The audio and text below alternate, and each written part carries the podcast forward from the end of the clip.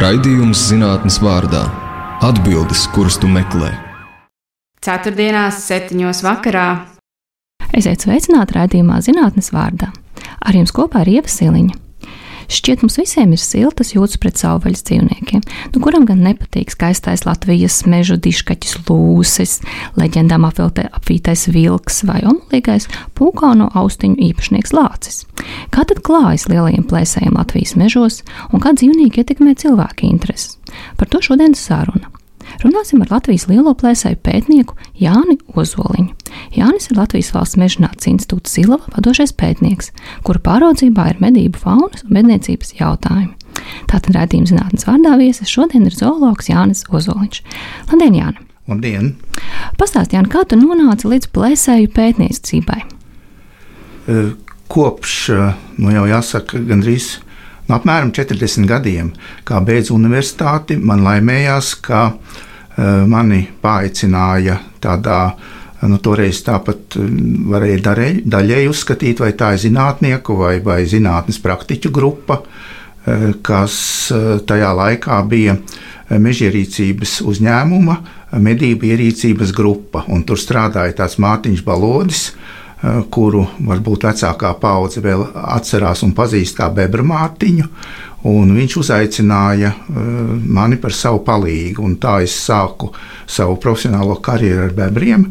Bet eh, kopš tā laika visu savu darba mūžu esmu strādājis ar kādu no lielajiem zīdītājiem, pat vairākiem visiem kopā. Kādi ir tie mūsu galvenie lielie zīdītāji? Nu, mana uzmanība visvairāk ir veltīta uh, vilkiem, lūšiem, uh, lāčiem, uh, savulaik arī ūdriem. Nu, šobrīd arī strādājot ļoti lieliskā kolektīvā pētnieku grupā, mēs esam pievērsušies arī medījumiem pārnaģiem, kas ir mūsu trīs sugu vietējo sugu brieži. Un, nu, jā, faktiski tas mūsu ieguldījums galvenokārt ir gan šo sugu ekoloģijas izpēte, gan arī dažādi zinātniski pamatot atzinumi, kas ir saistīti ar sugu aizsardzību, saglabāšanu un arī izmantošanu cilvēku interesēm, dzīvošanu vienā vidē un tā tālāk. Kad mēs runājām interviju, tu teici, ka tu esi mežā. Mums bija grūti sarunāt brīdi, kad tu neesi mežā. Pastāst, ko tu šobrīd dari un kāpēc tieši tagad? Eh, šobrīd ir eh, faktiski divu iemeslu dēļ tāda ļoti karsta darba sezona tieši mežā. Eh, pirmais iemesls ir saistīts ar tikko minētajiem lielajiem pārneģiem, jo šis ir brīdis, kurā faktiski pavisam īsts brīdis kopš sniega nokušanas līdz zemesietes lapu saplaukšanai kurā var saskaitīt, eh, nu, viņas par spiru kaudzītēm.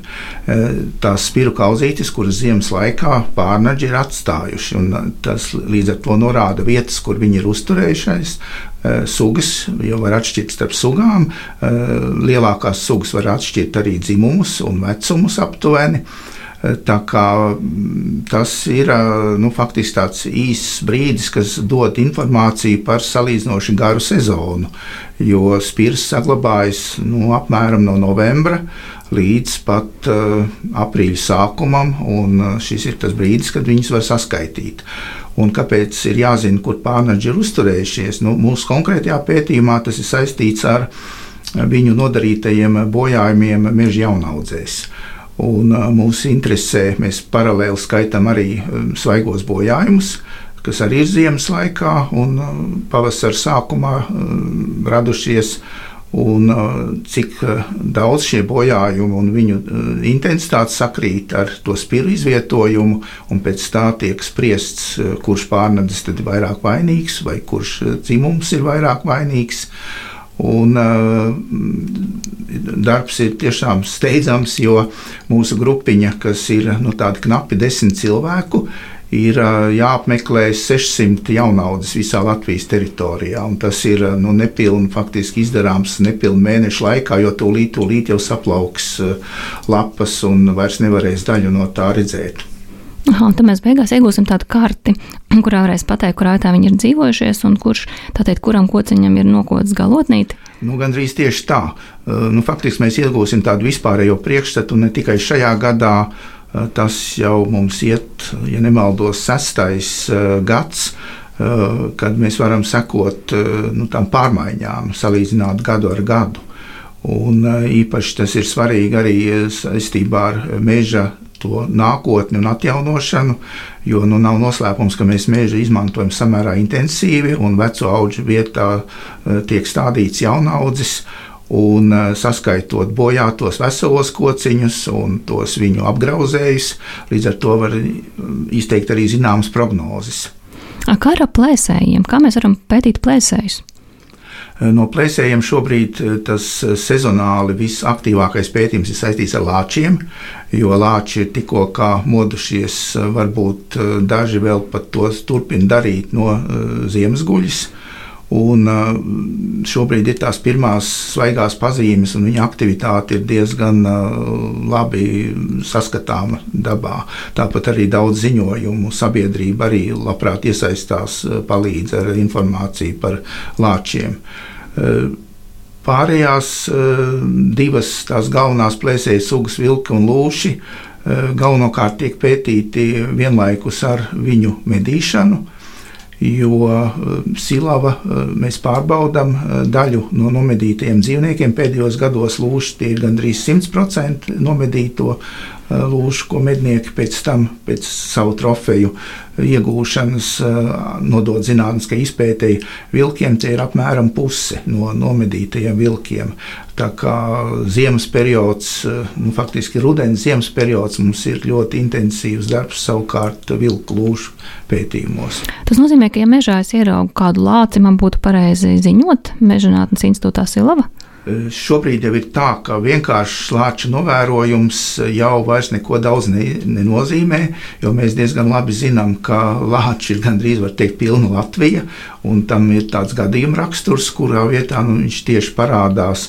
Bet, eh, ja tu, piemēram, mežā eh, ieraugi lāča pēdu, viņu vēl nofotografē, nu, tagad telefonā vietā urnī to ir ļoti vienkārši izdarīt un uh, nomēri viņas priekšķepas platumu, uh, tad šāda ziņa kopā ar datumu, protams, un arī ziņas autoru, jo tādus anonīmus ziņojumus mēs arī zinātnē nevaram izmantot, tad uh, mums ļoti noder. Un lāča priekšķepas ķepas platumam ir tāda nu, diezgan cieša saistība. Tas nav izpētīts Latvijā, bet Krievijā, kur intensīvi lāčas medī un salīdzināts eh, tas eh, ķepas izmēri ar pašu lāča izmēriem, tad pēc viņa nospieduma arī aptuveni var pateikt, cik tas lācis ir bijis liels.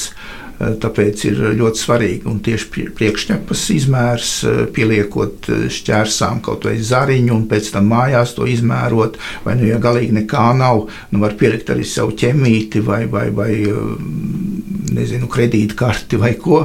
Un, un, tādā veidā nu, relatīvi izrēķināt pēc tam fotografijā to izmēru, bet par šādām ziņām mēs būtu daudz pateicīgāki nekā vienkārši lāča novērojums. Pat ja tas ir pats redzētais lācis, diez vai jūs paspēs kāds viņu nofotografēt, tāda jau nu, tā ir tāda vienkārši ziņa, ko var pateikt jā, draugiem, kaimiņiem, bet zinātnē tur jau ir mazāka vērtība. Jā, tu teici, ka lāča ir pilna Latvija. Ko tas nozīmē? Cik daudz vai mums ir jāsatraucās? Jāsatraucās nav, bet jārēķinās gan, jo sevišķi Latvijas austrumu daļā, nu, teiksim tā, uz austrumu pusi no Rīgas, Bauskas šosejas, vai, vai kā mēs to varētu to Latviju pārdalīt, lāči tiešām jau ir ikdiena.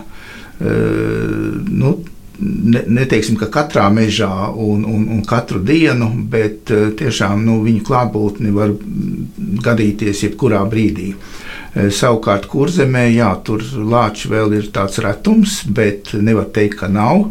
Un uh, vismaz viens vai divi lāči, tā spriežot pēc to ziņu saņemšanas, dzīvo arī Latvijas rietumdaļā. Nu, līdz ar to lācis nav gluži tāds mājās sēdētājs, un, un sevišķi tie ir tēviņi, un, un mums ir uh, populācijā tēviņu pārsvars.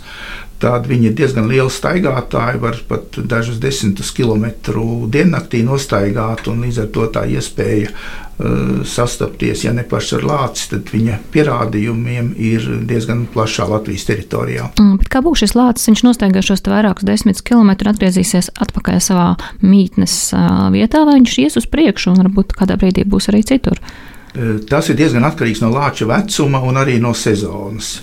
Nu, Bairošanās periodā, pārošanās periodā, kas sekos pēc kāda mēneša, bišķi, varbūt jūnijas sākums vai, vai, vai ap to laiku. Tāda lācis var doties arī diezgan, saka, vienā virzienā, lai sastaptu savu partneri. Jo, jo ar lāču mātītēm Latvijā nu, tik, tik bagāti mēs vēl neesam. Un lāču mātītes vairojas tikai katru otro gadu. Tas arī ir jau biežākais, varbūt pat vēl retāk. Un pārējā laikā viņas ir nu, diezgan. Viņas dzīvo pa vienam? Eh, jā, lāči vispār skaitās eh, viena no vientuļākajiem plēsējiem. Un eh, tās grupas parasti ir mātītas ar savu mm, iepriekšējo metienu, vai nu tas ir tikko ziemā dzimušie lācēni, vai, vai gadu veci, pusotru gadu veci.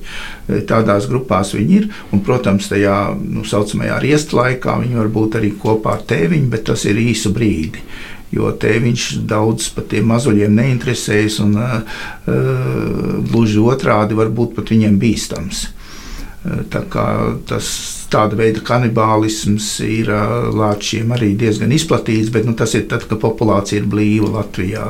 Tas vēl mums stāv priekšā. Un cik ilgi šeit lācēni dzīvo kopā ar lāču māmu? Eh, nu, vismaz pusotru gadu.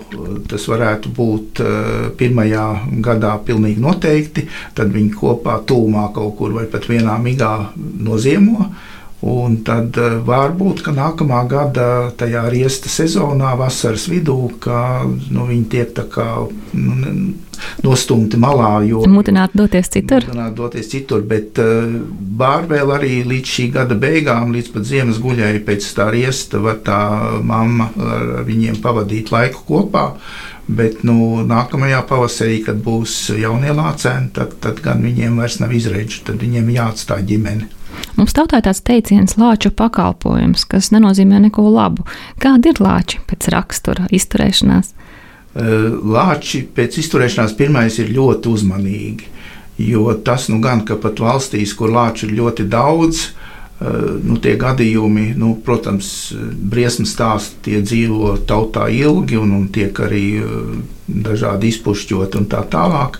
Bet īstenībā lācis pamanīt tādā mežā, viņa dabiskajā vidē, nu, nav nemaz tik vienkārši. Tas, nu, es pat teikšu, ka mūsu ne tikai es pats, bet mūsu visu pētnieku grupa, neviens neesam eh, lāci mežā eh, tā tieši redzējuši, tikai viņa pazīmes.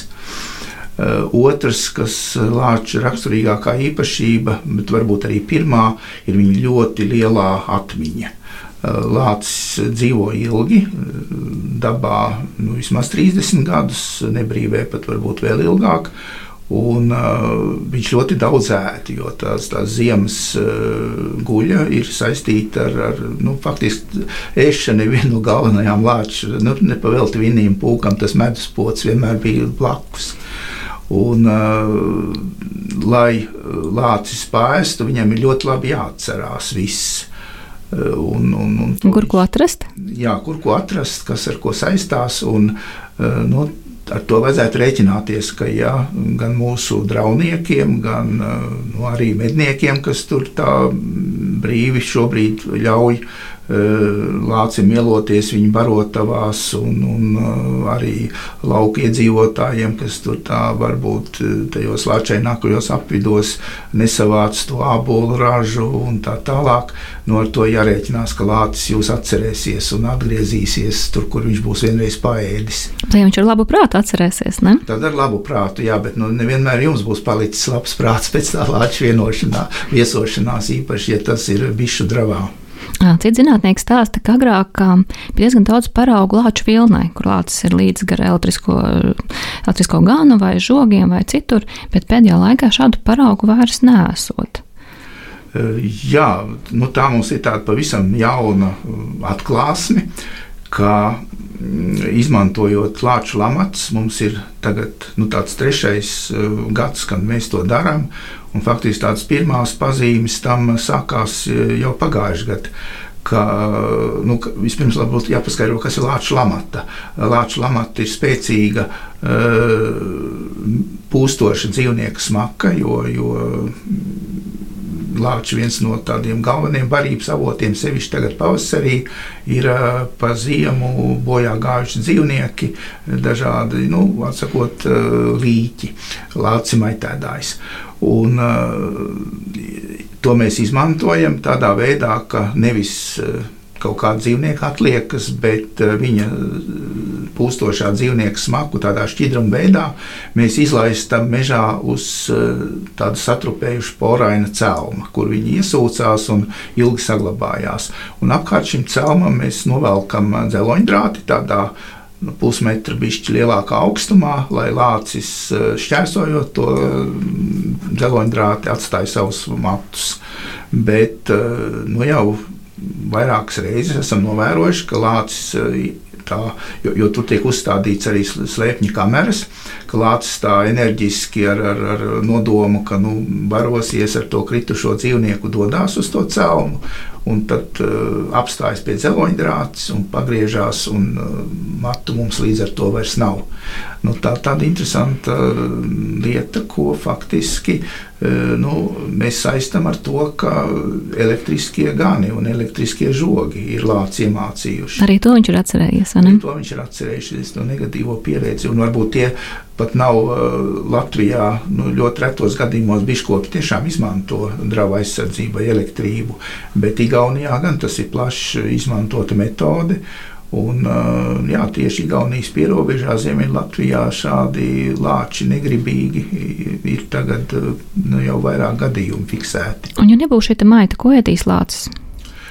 Pavasarī lācis ļoti daudz barojas ar skudrām un citiem meža kukaiņiem, kas eh, nu, savācas un ir tādi maskustīgi lēni. Ar pērnējām ogām, kas ir brūklēns, dzērvenis, vēl palikuši. Tur ļoti daudz jāsalasa, vai ne? Tur ir daudz jāsalasa, bet Lācis ir ļoti pacietīgs lasītājs. Protams, ar, jā, ja nu trāpās, tad medus, bišu peri. Un uh, ļoti drīz, nu jau es domāju, ka lācis, ja tā drīkst izteikties, ir zirgā, jo ir sākuši plaukt pirmās lapiņas, uh, pirmie zemesēdzes augi, lakstaugi mežā, un lācis ir labprāt arī veģetārietis. Viņam galīgi nevajag to dzīvnieku valsts izcelsmes barību. Nozīmē, ka lācis nemaz nebūs tāds mednieks. Nē, Lācis ir mednieks tikai retos gadījumos. Nevar teikt, ka viņš ir absolūts veģetārietis, bet uh, Eh, nu, pilnīgi noteikti, ka apmēram 90% pēc tās apēstās biomasas ir tieši augu barība. Tas nozīmē, ka ja cilvēks nejauši tomēr satiktu mežā lāci, tad uh, jābaidās nebūtu. Eh, cilvēkam ir jāuzmanās. Nu, tās bailes ir tik daudz, varbūt labas, ka tās dara cilvēku piesardzīgu, bet tās bailes ir diezgan neracionālas, jo nu, lācis Baltijā nevienu cilvēku apēdis nav noteikti. Uh, daudz ilgāku laiku nekā ir šīs lāča atgriešanās. Jo nu jā, 19. gadsimta beigās lāči gandrīz bija no visas Baltijas jau izzuduši, bet Igaunijā viņi atgriežas jau diezgan lielā skaitā. Nu, tad, kad mums vēl bija tiešām tikai daži lāči, tad Igauni jau viņus medīja. Tā tur tā populācija ir daudz lielāka un nu, nav dzirdēts. Es domāju, ka kaimiņu, ziemeļu kaimiņu mums pastāstītu, ja kāds būtu apēsts. Man liekas, daļa baiļu ir tajā, ka cilvēks neizti var aizmukt no lāča, jo lācis ir ātrāks, ne arī uzkāpt kokā, jo lācis to izdarīs daudz veiklāk. Tā ir taisnība un, un faktiski jau. Nu, ir jau mums tā mm, bailes faktiski no jebkura liela dzīvnieka. Lācis ir liels. Un, uh, Pat ļoti. Jā. Un uh, otra lieta ir, ka viņš uh, izskatās draudīgs tajā brīdī, kad viņš pieceļas pakaļkājās. Bet tas gan nenozīmē, ka nu, es atceros, kādreiz tautā arī vecāki stāstīja pasakas, jā, ka lācis mežā piecēlās pakaļ kājās, sasit ķepas, un, un tad, nu, tā ir pēdējā stundiņa gandrīz. E, nē, nu, tā, tā īsti nav, e, jo lācim e, ļoti svarīga ir roža, Un arī neteiksim, ka viņš apveltīts ar pārāk asu redzi. Un tad, pieceļoties pakaļkājās, viņš, protams, redz tālāk, sauž labāk un arī saklausa labāk. Tā, tā ir vienkārši tāda, nu, daudz dzīvnieki, plēsēji, protams, pārsvarā izmanto šo te. Arī mēs, ja, ja mēs teiksim, kaut kur apsēdušies vai apgulušies, un apkārt būtu kāds troksnis, mēs taču pieceltos kājās, lai redzētu. Tā, tā ir vienkārši tāda dabiska reakcija. No lāča puses nenozīmē agresivitāti. Šis raidījums zinātnes vārtā ar jums kopā ir Ieva Seliņa. Viesos mums šodien ir Latvijas lielo plēsēju pētnieks Jānis Ozoliņš. Iepriekš runājām par lāčiem. Tagad gribētos mazliet pieskarties arī lūšiem. Mums nesen bija tāda iniciatīva, un portālā Mana balss martā savāca 11,000, vairāk kā 11,000 balsu par to, ka vajadzētu aizliegt lūšu medības. Iniciatīva pamatot ar to, ka lūsas ir aizsargājamais dzīvnieks un vajadzētu par to vairāk rūpēties. Kāds tavs viedoklis par šo? Jā, es izlasīju arī to iniciatīvu. Un, nu, tas pats iniciatīvas teksts bija ļoti īss, bet tur bija arī tāda pamatojošā vēstule. Nu, man kā, teiksim, tā kā zinātniekam bija diezgan smagi lasīt to, to tekstu, tāpēc ka nu, viņš nu, viņš teiksim, neatbilst tādiem profesionāliem standartiem. Viņš tāds panājums man likās. Bet no otras puses bija pilnīgi skaidri saprotama tā doma, ka iniciatīvas autors un viņas atbalstītāji, viņa atbalstītāji nu, nevēlas, lai notiktu šīs lūšu medības. Un, uh, tas, kas man uh, ir, ir, protams, ļoti apsveicami, ka sabiedrībai cilvēki, kuriem rūp eh, savvaļas sugu liktenis un, un viņa izmantošana un tā tālāk. Eh, bet no otras puses atkal tas pamatojums, tā kā viņš nu, bija tāds, tāds panēvs un neprofesionāli sagatavots, viņš nu, man īsti neapmierināja, bet pat teiksim, kaitināja, jo jā, mēs varam būt pret medībām, mums var nepatikt mednieki, viņu uzvedība, uh, Eh, tur bija eh, uzskaitīts arī sabiedrībā tādas nepopulāras personas, politiķi, kas it kā nu, nodarbojas ar tām medībām, arī ar lūšu medībām.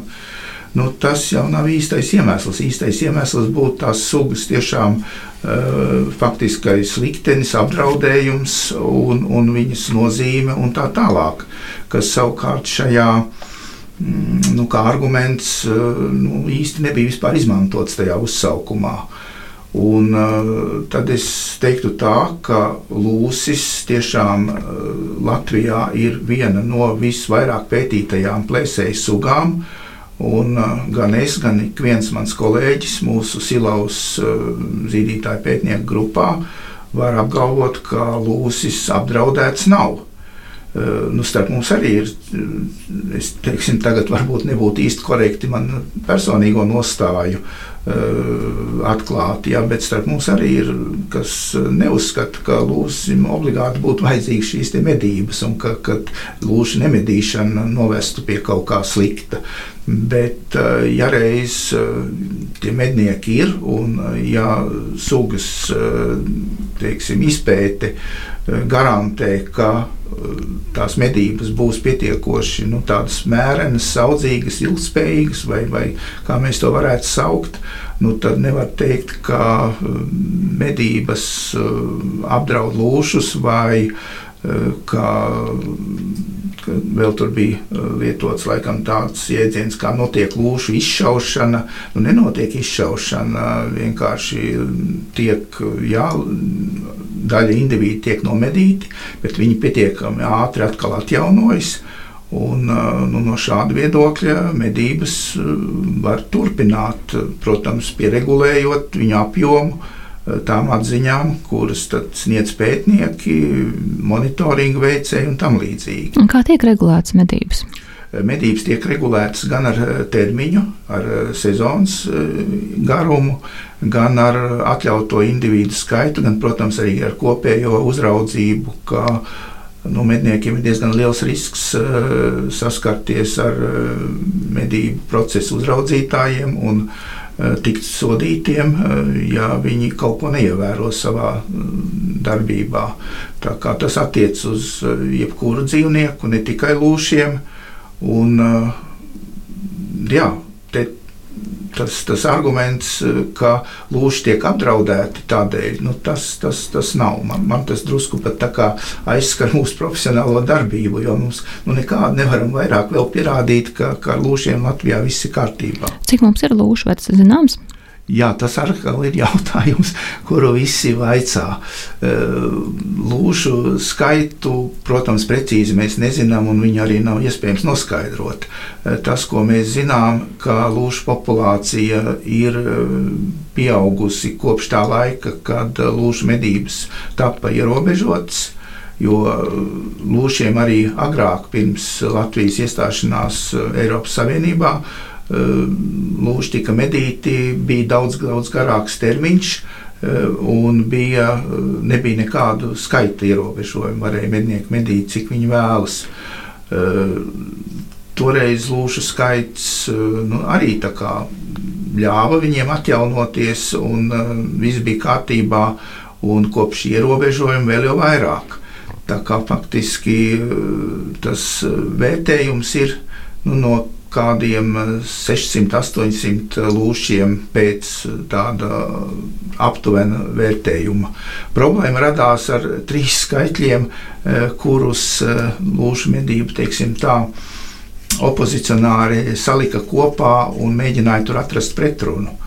Un, uh, mums ir jājūtas atbildīgiem par uh, to mazāko skaitli, kas nāca no Silavas pētnieku vidus, bet uh, tai tendencei uh, bija absolūta sakritība gan ar to lielāko skaitli, ko varbūt arī Silava apšauba, gan uh, ar to.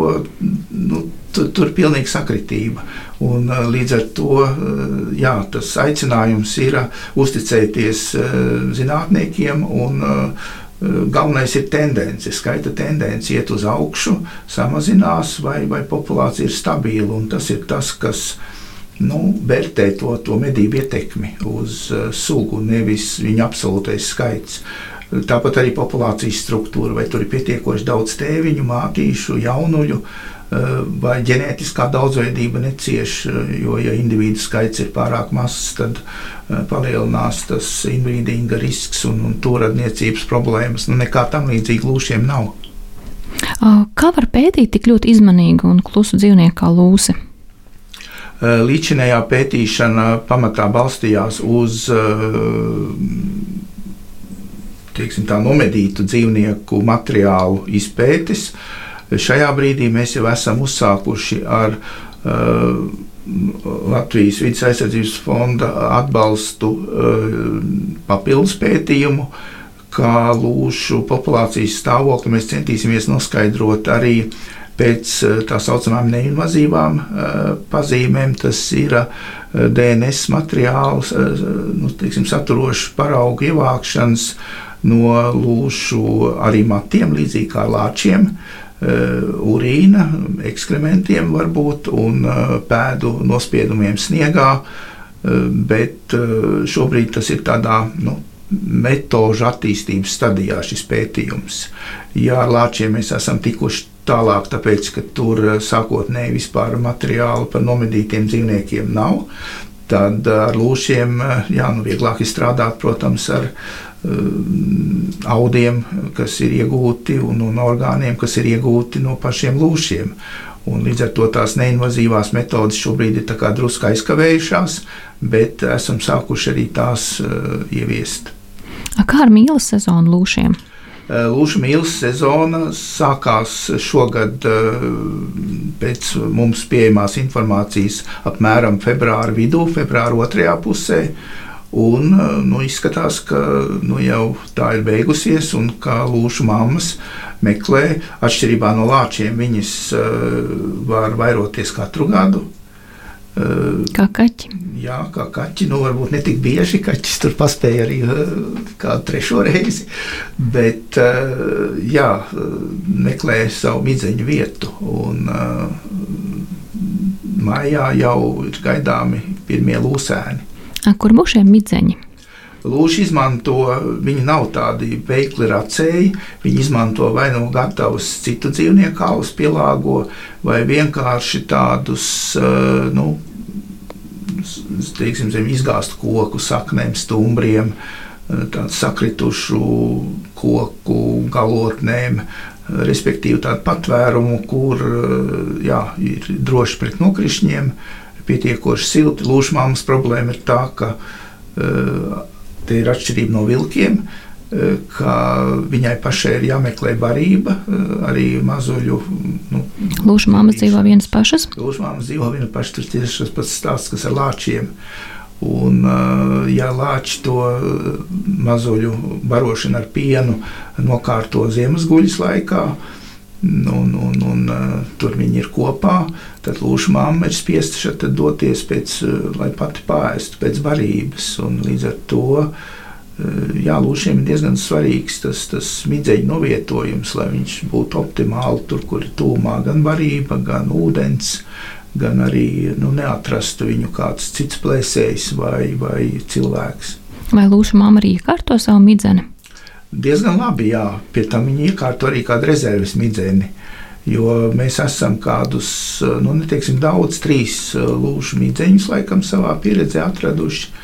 Un viņi visi bija tādi, nu, jā, tādi rūpīgi iekārtoti. Ar ko? Neteiksim, ka viņi īpaši izklāti, bet viss liekais no turienes bija izvākts laukā. Jo lūšu dzimšana notiek jau tajā laikā, kad uh, siltumam varbūt jau ir otršķirīga nozīme temperatūrai, bet uh, pietiekoši ērti. Un, uh, tā problēma plēsējiem, kuriem šajā laikā dzimst mazuļi, ir odi. Jo odi tiešām var nu, diezgan nodarīt ļaunu gan pašiem mazajiem dzīvnieciņiem, gan arī viņu mamām. Sevišķi zīdīšanas laikā, jo ap tiem zīdekļiem jau tas apmetojums ir nu, tāds nepārāk biezs un tur odi un krišļi mežā var viegli piekļūt. Tāpēc tas ir vēl viens faktors, kā jāizvēlas un jāiekārto midzenis, lai tur pēc iespējas mazāk varētu. Nu, tad tur jābūt kaut kādam vējam, vai kam mums jau tā grūti to novērtēt. Bet tam midzenim jābūt drošam arī pret šo faktoru. Un kā ar šo stereotipu, kā ir koka zars uz tā skaisti slaida guļ lūses, ķepiņas nokarinājis? Tā kādreiz varētu būt. Tas ir redzams līgatnes dabas takās arī var būt. Bet, nu, katrā ziņā lūsis to nedara, lai medītu. Viņš var kokā uzkāpt, atpūsties. Tie parasti ir tiešām tādi resni, droši zari, bet to, ka lūsis nav lēkātājs pa kokiem, nu, liecina arī viņa tā ķermeņa uzbūve. Jo garās kājas. Jā, visiem garās kājas un visiem dzīvniekiem, kas tiešām daudz laika pavada kokos, ir asti gara. Lūsim, kā mēs zinām, ir tikai tāds strupulītis. Tā kā lūsis ir staigātājs pa zemi, bet, jā, protams, uzkāpt kokā, ja ir vajadzība. Kā ar lūšu tēviņiem, kur viņi dzīvo? Lūšu tēviņiem ir lielāka teritorija nekā mātītēm. To mēs arī Latvijā esam pārbaudījuši, jo nu, jau gan pirms vairākiem, nu, vairāk kā desmit gadiem Latvijā vairākiem lūšiem tika uzlikt raidītāji, kaklasiksnes. Un Lūš, viena tēviņa teritorijā var būt arī vairākas mātītes. Nu, Nevienmēr ne, ne visas tās ir teiksim, viņa draudzenes, bet jā, tas, tas tas raksturīgākais. Lūdzu, tēviņam, protams, arī nav tāda pastāvīga midzeņa. Viņa tā apgaita ir lielāka un viņš katrā vietā pavada kādu laiku. Ja ir nomedīts lielāks medījums, piemēram, stirna, tad šajā vietā nu, gan tēviņš, gan mātīte pavada vēlāk mātīte tajā vairošanās laikā. Stīrnu, protams, visdrīzāk nemedīja, vai ja medīja, tad atnes tuvāk un, un paslēpja. Bet katrā ziņā tēviņš parasti medīja tur arī, kur viņš atpūšas. Un tās stirnas tūmā viņš var pavadīt divas, trīs dienas, un arī nekur tālu neiet, jo, jo kaķiem raksturīgs arī slinkums, protams. Par cik lielu teritoriju ir runa?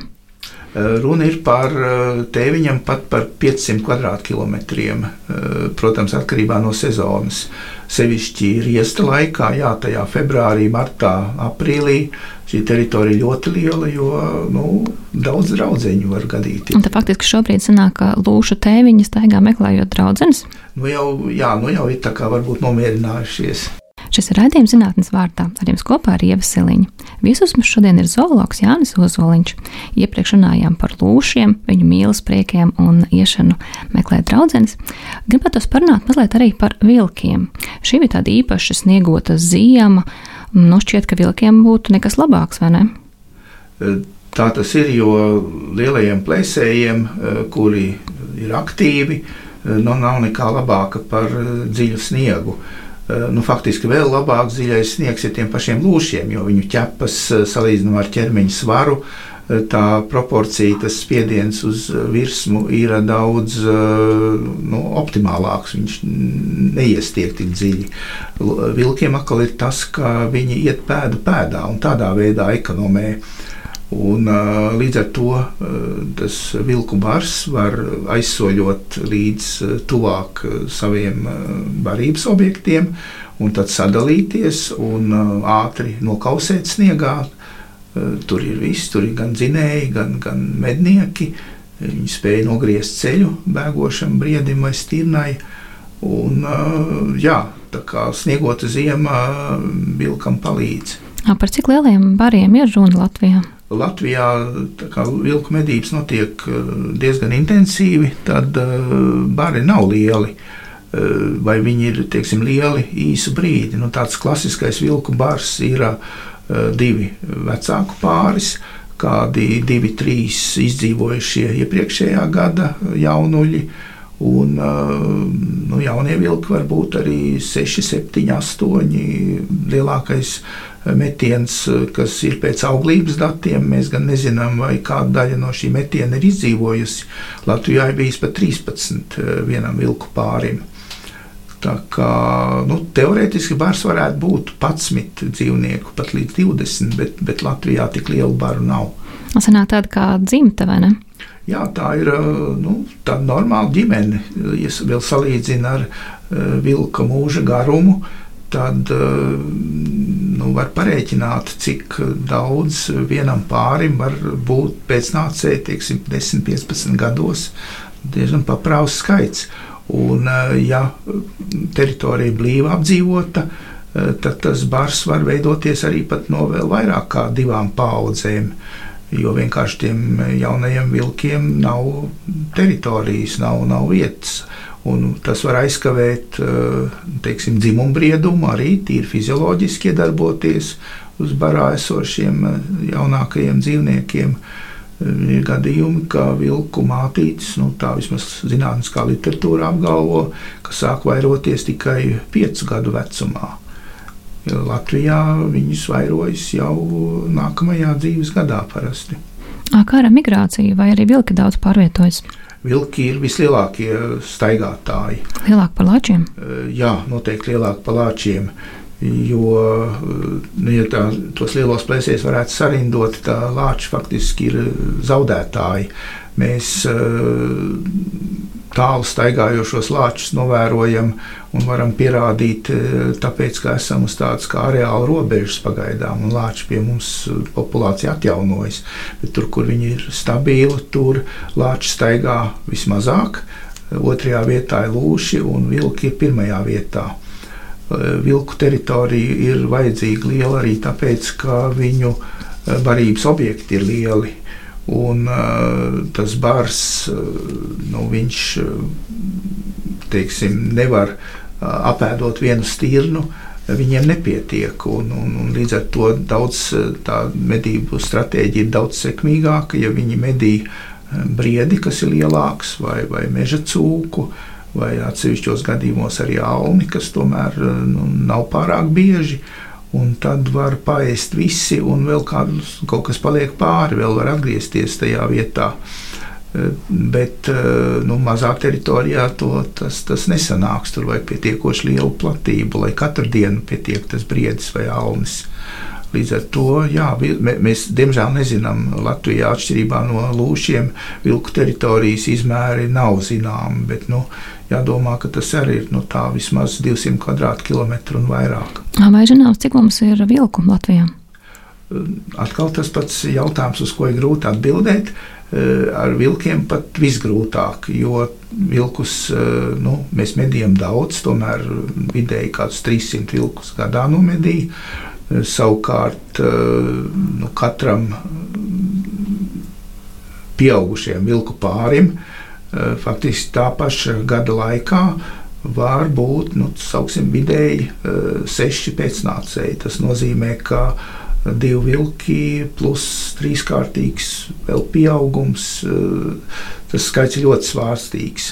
Un sakarā ar intensīvajām medībām tie pāri nu, arī var tikt izjaukti. Teiksim, viens no partneriem var, var tikt nomedīts.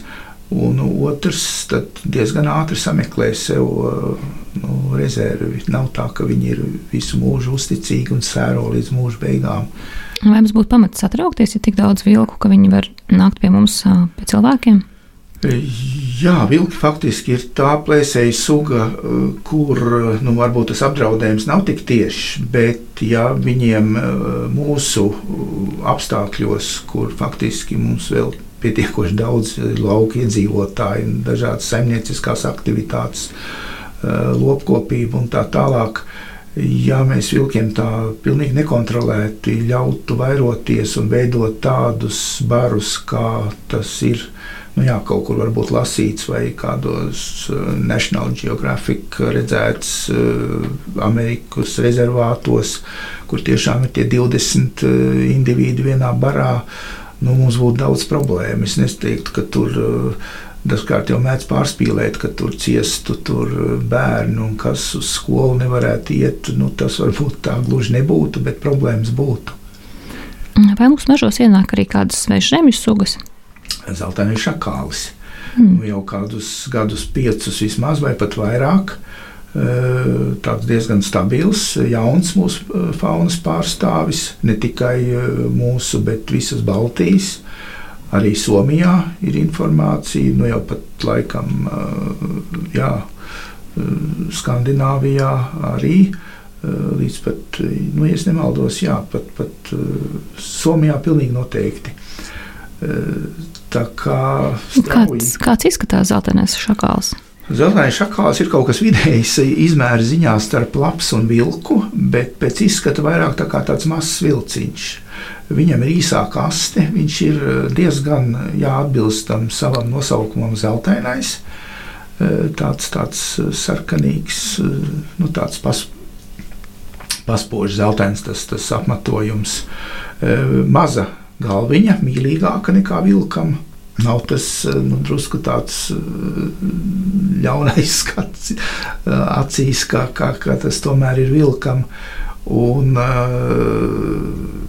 jā, tāds, tāds, tāds vidējs sunītis, es teiktu tā.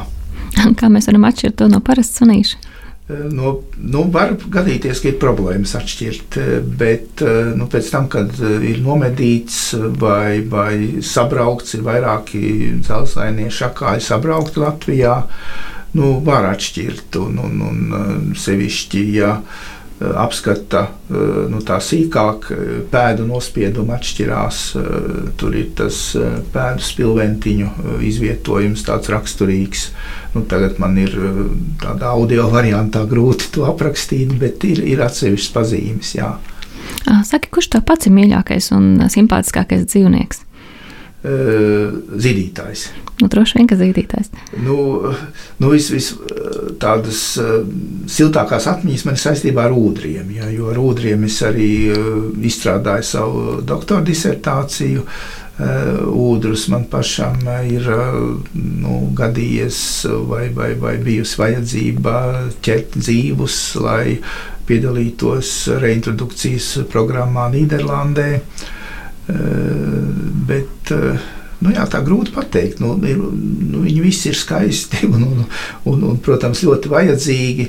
Nu, tādā tīri estētiskā nozīmē, nu, varbūt tāda uh, koša lapsa ir viens no skaistākajiem Latvijas plēsējiem, es teiktu. Vai arī to savā brīvajā laikā ej mežā? Uh, nu, zinātniekam tā grūti nodalīt brīvo laiku. Jā, es kādreiz kopā ar ģimeni, vairāk gan kā autovadītājs, aizvedu viņus uz mežu ogās vai sēnēs. Pašam man tā kā liekas garlaicīgi tā vākšana. Ne tā kā lācim. Jā, bet jā, nevar teikt, ka es arī brīvajā laikā ziemā dodos slēpot bez īpašas vajadzības. Arī parasti, ja citi dodas uz kalniem vai kur, tad man visinteresantākā slēpošana šķiet mežā. Nu, tā. Nobeidzot sarunu, ko pārsteidzoši tu uzzināji savā pētnieciskajā darbā? Tad ir drusku jāpadomā, katru dienu jau ir tāds mazs pārsteigums no to pētījumu objektu dzīvnieku puses, bet uh, kopumā uh, nu, mans lielākais pārsteigums ir, cik tomēr uh, ir daudz mums mītu, neizpratnes un tādas arī savstarpējas nenovīdības, kas ir saistītas tieši ar savvaļas dzīvniekiem. Nu, liktos pat tā, ka ja nebūtu savvaļas dzīvnieki, par ko tad mēs strīdētos viena daļa savstarpēji. Jo, jo cik tie konflikti ir pamatoti un nopietni, bet eh, jā, sabiedrībā ir, eh, tas ir labi, kad ir interese un ir tāda uh, vēlme līdzdarboties, bet tai pašā laikā nu, kaut kā caurspīd tas, ka uh, tie konflikti vairāk ir mūsu pašu starpā, nevis pie tā ir vainīgas pašas savvaļas sugas. Un, līdz ar to nu, jā, mans vēlējums ir uzticēties zinātnei, mācīties skolā bioloģiju tiem, kas vēl mācās un uh, neidentificēt uh, dzīvniekus gluži arī ar cilvēku sabiedrību. Mēs esam līdzīgi, bet vienā otrā gadījumā ne tik līdzīgi. Uh, nu tā, tas tāds pārsteigums, jā, jo, jo dažreiz ir tiešām grūti saprast sabiedrībā, kas tiek runāts un spriests un pieņemts. Un, un, kā, kā profesionālam pētniekam ir diezgan smagi dažos brīžos. Nu, tas tāds pārsteigums, kas, kas protams, arī nu, drusku akmens pašu dārziņā, jo mums jau jānodarbojas arī ar sabiedrības informēšanu un izglītošanu. Un varbūt mēs to īstā neprotam vai pa maz darām. Nu, šodien mēs to darām, vai ne? Paldies! Jānis ir priecājis tajiem pētījumiem, novēl panākums arī turpmāk. Atgādinu, ka raidījumā zinātnes vārdā bija zoologs Jānis Ozoliņš. Studijā bija Ieva Siliņa. Lai jums visiem dzīvē skaisti dzīvnieki! Atā! Paldies! Uz redzēšanos! Raidījums zinātnes vārdā - atbildes, kuras tu meklē. Ceturtdienās, septiņos vakarā